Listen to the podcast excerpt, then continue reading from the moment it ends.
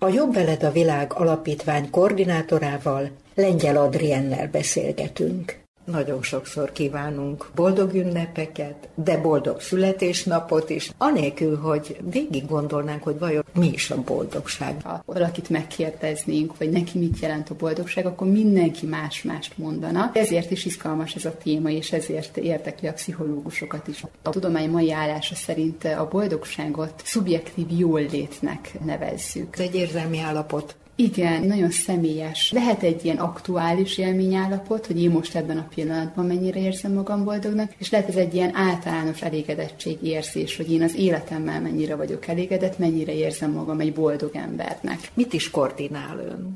Tulajdonképpen én a Boldogságóra programunkat koordinálom, ami egy pedagógusoknak és gyerekeknek szóló 10 hónapos program. Nincs olyan megkötés, hogy csak a tanév elején lehet elkezdeni a programot, mert hogy van egy ingyenesen letölthető oktatási segédanyagunk a www.boldogságóra.hu weboldalon, és ott bárki bármikor bekapcsolódhat, letöltheti ezt az oktatási segédanyagot, és ennek segítségével a módszertant átadhatja a gyerekeknek. Viszont lehetséges intézmény intézményileg is csatlakozni a programunkhoz. Egy intézmény eldöntheti, hogy ő beépíti a pedagógiai program tervébe, és vállalja azt, hogy egy éven keresztül legalább egy csoportban tartanak egy boldogságórát egy hónapban, szeptembertől júniusig. Az órát pszichológus tartja? Pedagógusok tartják. És ez tényleg azért nagyon fontos, mert hogy ők ismerik a legjobban a gyerekeket, és mindig bátorítjuk őket arra, hogy a módszertant és a gyakorlatokat, a feladatokat mindig a gyerekekre szabják tanulják. Tanítható a boldogság? A boldogság maga nem tanulható és nem tanítható, hiszen az tulajdonképpen következménye valaminek, ez, a, ez az érzés maga, viszont a boldogságra való képességünk fejleszthető. Emögött a, a, az állítás mögött is tulajdonképpen egy tudományos kutatás áll. Mert ő amerikai, egy orosz származású amerikai pozitív pszichológus nő. Ő az, aki kitalálta ezt? Hogyan legyünk boldogok című könyvében írja le eddigi kutatásainak az eredményeit, és a Boldogságóra program az ő kutatási eredményeire alapul. Ő volt az, aki a kutatócsoportjával összeszedte az eddigi boldogság kutatások eredményeit, és megállapított egy olyan alaptízist, hogy három olyan tényező van, ami befolyásolja a boldogság szintünket. Ezek közül az egyik, ami azért elég nagy mértékben, tehát kb. 50%-ban meghatározza a boldogság. Vannak, akik hajlamosabbak arra, hogy több pozitív érzelmet és intenzívebben éljenek át, és vannak, akik viszont kevésbé. Viszont már a gyerekeknél is megmutatkozik egy boldogság szintbeli különbség, és ez a genetikai örökségnek köszönhető. Ez elsőre nem hangzik annyira jól, hogy tulajdonképpen 50%-ban meghatározott az, hogy ki milyen boldogság szintet ez, tud elérni az életében.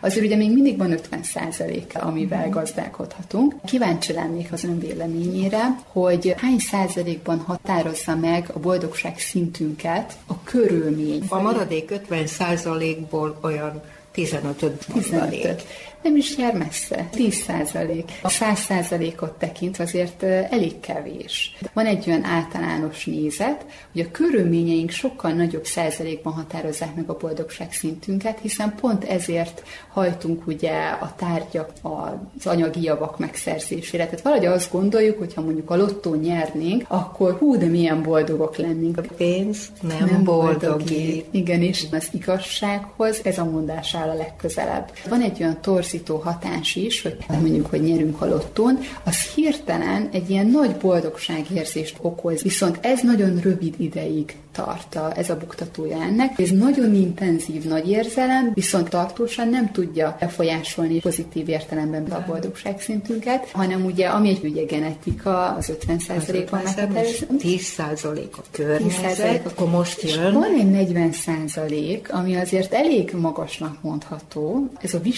viselkedésünk, a gondolataink, a tetteink, amik meghatározzák a boldogság szintünket. Szonya Lubomirszki és csapata azért örült meg ennek az eredmény eredménynek, mert hogy ez teljesen irányításunk alatt tartható. Hiszen a viselkedésünkön, a gondolkodásmódokon tudunk változtatni, tudunk új szokásokat kialakítani. Tehát ez az a 40 százalék, ami teljesen rajtunk múlik. Nagyon sokat kell akkor érte tenni. Így van. Tényleg be kell építeni a mindennapjainkban olyan szokásokat, cselekvéseket, amik segítenek a viselkedésünkön, a gondolkodásmódunkon változtatni, és viszonylag azért hosszabb ideig is kell ezeket a tevékenységeket végezni ahhoz, hosszú távon hasson a boldogság szintünkre. Hajlamosak vagyunk azt mondani, hogy hát persze, hogy boldogtalan vagyok, mert hogy ilyen a főnökön, a családon, ilyen országban élek. Hajlamosak vagyunk egyszerűen erre fogni, és, és nem látni a saját felelősségünket ebben. Így van.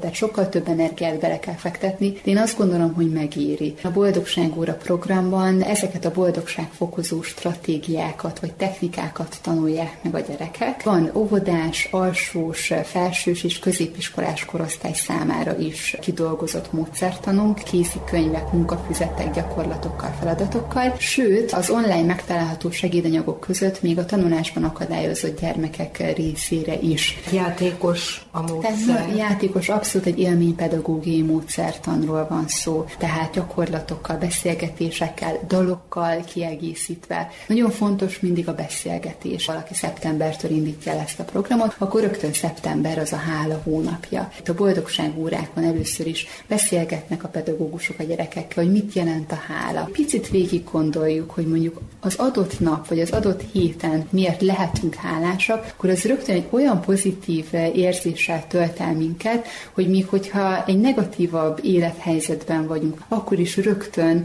egy ilyen kicsit pozitívabb érzelem állapotba kerülhetünk, és ez semlegesítheti az adott nehéz helyzetnek a negatív hatásait is. Milyen érdekes. Ez benne van a napi imákban. Így van. Kapunk olyan eh, visszajelzést katolikus iskoláktól. Ők is ezeket az értékeket képviselik. Mi a pozitív pszichológia felől közelítjük meg, a boldogság kérdését, ők ugye a vallás felől közelítik, és nagyon jól össze tud találkozni. Hát a hálában mindenképpen. Egy következő még? témakör az optimista szemléletmódnak a kialakítása. Van is egy ilyen gyakorlat, az optimista szemüveg. Ez egy rózsaszín szemüveg? nagyon fontos, hogy nem kell rögtön egy nagyon hurrá optimizmus szemlélettel közelíteni az élet felé, hanem próbáljuk meg elképzelni, hogy egy adott helyzetnek egy optimista kimenete is lehet, és ennek az a következménye tulajdonképpen, hogyha így tekintünk a jövőbe, akkor sokkal nagyobb erőfeszítést vagyunk képesek tenni az adott cél elérése érdekében, mert hogy hajt minket az a motiváció, hogy elképzeljük, hogy ez a cél megvalósul. Ha egy adott folyamat van, azt gondoljuk, hogy ennek egy negatív kimenete lesz, sem akkor fog sikerül. sem fog sikerülni, akkor így, így tesszük bele azt az energiát, és be is igazolódhat ez az előfeltevésünk. Amit mi a Boldogságóra programban szintén mindig hangsúlyozunk, hogy ugye van kilenc olyan témakör, amit a gyerekek végigvesznek, de a tizedik hónapban egy picit visszatekintenek. Mi úgy hívjuk, hogy boldogság koktélt össze tudnak állítani, amiben kiválasztják azokat a témaköröket, stratégiákat, amiket aztán ők hosszú távon szeretnének alkalmazni. Hajlandók együttműködni ebben a gyerekek. Igen. Minél fiatalabbak, annál fogékonyabbak. A felsős, illetve a középiskolás korosztályban azért persze egy picit nehezebb. Nagyon fontos uh, itt azt is megjegyezni, hogy a pedagógusok is önkéntesen csatlakoznak a programhoz. Ezt nem lehet kötelezővé tenni, hogy valaki boldogságórát tartson. Milyenek a tapasztalatok? Beszámoltak már erről pedagógusok? Nagyon, igen. Nagyon sokszor azt említik, hogy a boldogságórák hatására érezhetően javul az osztályközösség. Mi mindig az ELTE pozitív pszichológia kutatócsoportjának segítségével mérjük a boldogságórák hatékonyságát. Azt mondhatjuk, hogy azok a gyerekek, akik boldogságórákon vesznek részt, sokkal kitartóbbak, kreatívabbak, többször élnek át flow élményt, és magasabb az önbecsülésük. Ez már boldogság. Ez abszolút. Ezek tudományosan bizonyítható eredmények. Nem csak a gyerekek érzik magukat jobban. Ahogy a pedagógusok feldolgozzák a módszereket, készülnek, megtartják az órát, látják annak a pozitív eredményét, ez rájuk is visszahat. Én azt gondolom, hogy sokkal boldogabbnak érzik magukat. Mi is ez a Jobb veled a világ alapítvány? 2014-ben indult útjára. Az alapítvány azt a célt tűzte ki, hogy általában az emberek boldogság szint szintjét emeljük egy kicsit a tudatosság eszközeivel. Kik az alapítók? Bagdi Bella, ő a Jobb Veled a Világ Alapítvány elnöke, ő az egész Boldogság program és a Boldogság óra program megálmodója. Neves szakértők csatlakoztak a programhoz, így például a professzor dr. Bagdi Emőke, a programunk fővédnöke, a könyveinknek a társszerzője is. És professzor dr. Olá Attila, az ELTA pozitív pszichológia kutatócsoportjának a vezetője, pedig a tudományos szaktanácsadója a programnak. Nagyon sok eredményt értünk már el. Például a Boldogság óra programhoz is több mint ezer intézmény csatlakozott. Vannak felnőtteknek szóló programjaink is, kis klub találkozókat tartanak a kihelyezett képviselőink.